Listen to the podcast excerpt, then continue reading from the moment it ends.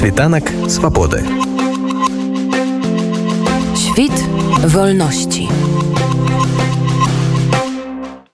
А мы пераносімся ў варшаву там у чацвер у беларускім доме адбылася прэзентацыя перавыдання кнігі владимира орлова орден белой мышы на прэзентацыі пабываў мой калега иван саванович давайте паслухаем ягоныя ўражанні перавыдадзеная кніга была надрукаваная ў польшчы дзякуючы падтрымцы беларускай дыяспары і асабліва беларусам чэхіі. Па словах владимира орлова змест кнігі дайшоў да нас праз гады ў не зусім арыгінальным выглядзе.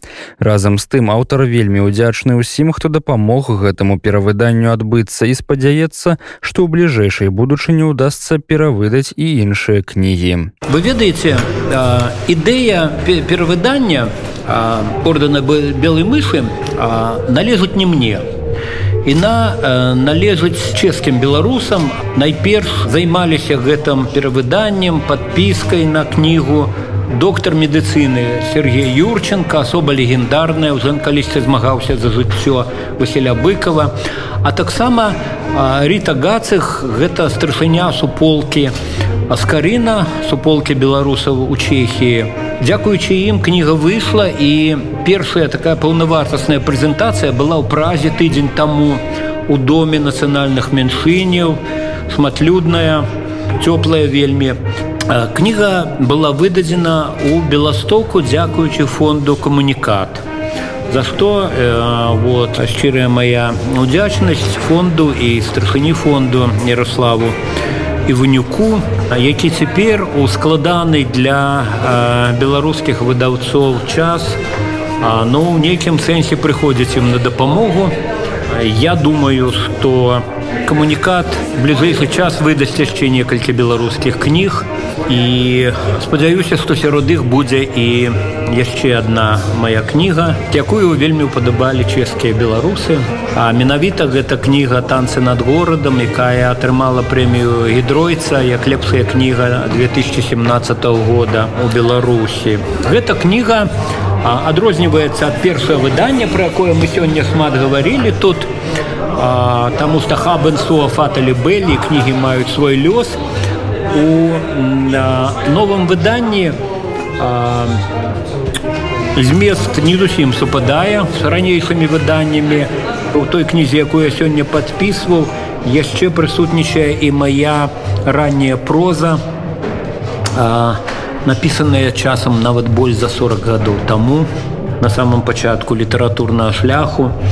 А тыя мае апавяданні у прыватнасці палёты самотна птаха і маналог святого пётра таксама зазнавалі ўмешанне цэнзуры нават у назвы твораў напрыклад маналог святого пётра. За савецкім часам друкаваўся толькі як маўклівы маналог бо ніякіх святых не павінна было быць нават у назвах літаратурных твораў. Ну тут усё як бы адноўлена па па арыгіналу каментуючы месца перавыдання владимир орлоў кажа што для беларускай кнігі гэта не новая справа выдавацца ў замежжы.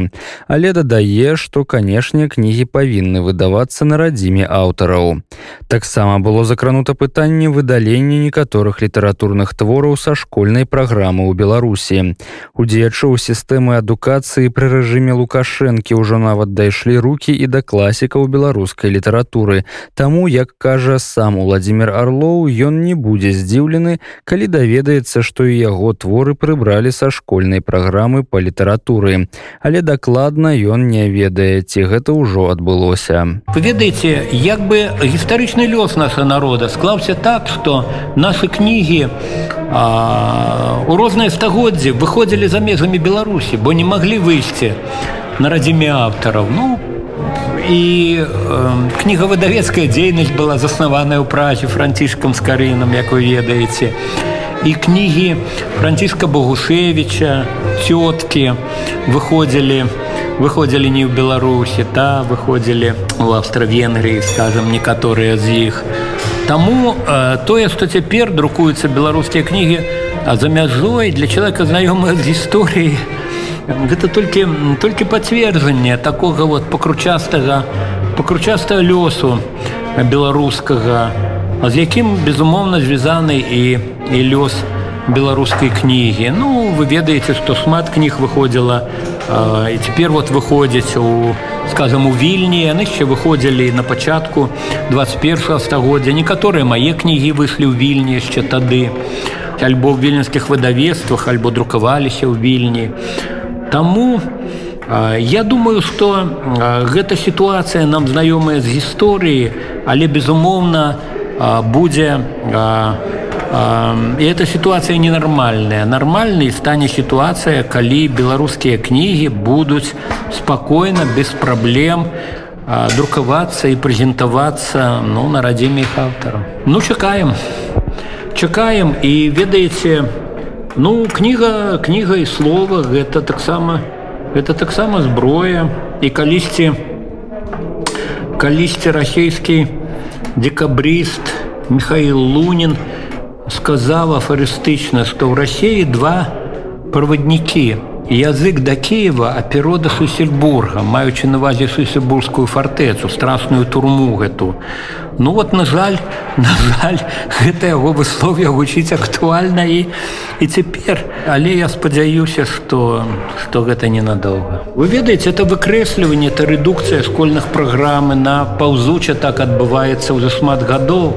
Са школьных праграм выкрэслівалі кнігі нашых эмігрантаў, потым кнігі нават наших класікаў. Красамоўны прыклад гэта вот э, са школьнай праграмы уже некалькі гадоў таму выкінутыя тутэйшыя янкі купалы твор надзвычай актуальны в нашы дні а ў свой час геніальна пастаўлены мікалаем пенігінам на купалаўскай сцэне. А Ну я ведаю, што ну шмат шмат і маіх твораў было выкінута са школьных праграм альбо пераведзеныя ў спіс для пазакласнага чытання. Ну я, я ведаю, што некаторыя прынамсі вот па апошніх звестках некаторыя з іх яшчэ засталіся, скажем, той самы адкуль наш род, мне здаецца, яшчэ прынамсі летась дзеці вывучалі у малодшых класах. І моя повесць час чумы галоўны герой якой мікола гусовскі існавала у праграме для пазакласнага чытання таксама владимир орлоў не выключае што ў бліжэйшай будучыні можа правесці шэраг гістарычных лекцыяў у варшаве. Але пакуль дакладнае месца і даты іх правядзення невядомыя. Я спадзяюся что у мяне будуць яшчэ гістарычнай лекцыі у варшаве у і ідуць перамовы пра гэта. А, гэта будзе цыкл лекцый прысвечаных гісторыі 19 стагоддзя. Таго стагоддзя калі калі адбываліся вызвольныя паўстанні калі дзейнічалі таемныя патрыятычныя таварыствы. І ўсё гэта набліжала беларускае нацыянальнае адраджэнне І вот якраз межы гэтых лекцый храналагічныя будуць супадаць з храналогіі другой часткі маёй кнігі Айчына ад Міхала Кляфа Сагінска да Франціска Бушевича. Світанак свабоды. Świt wolności.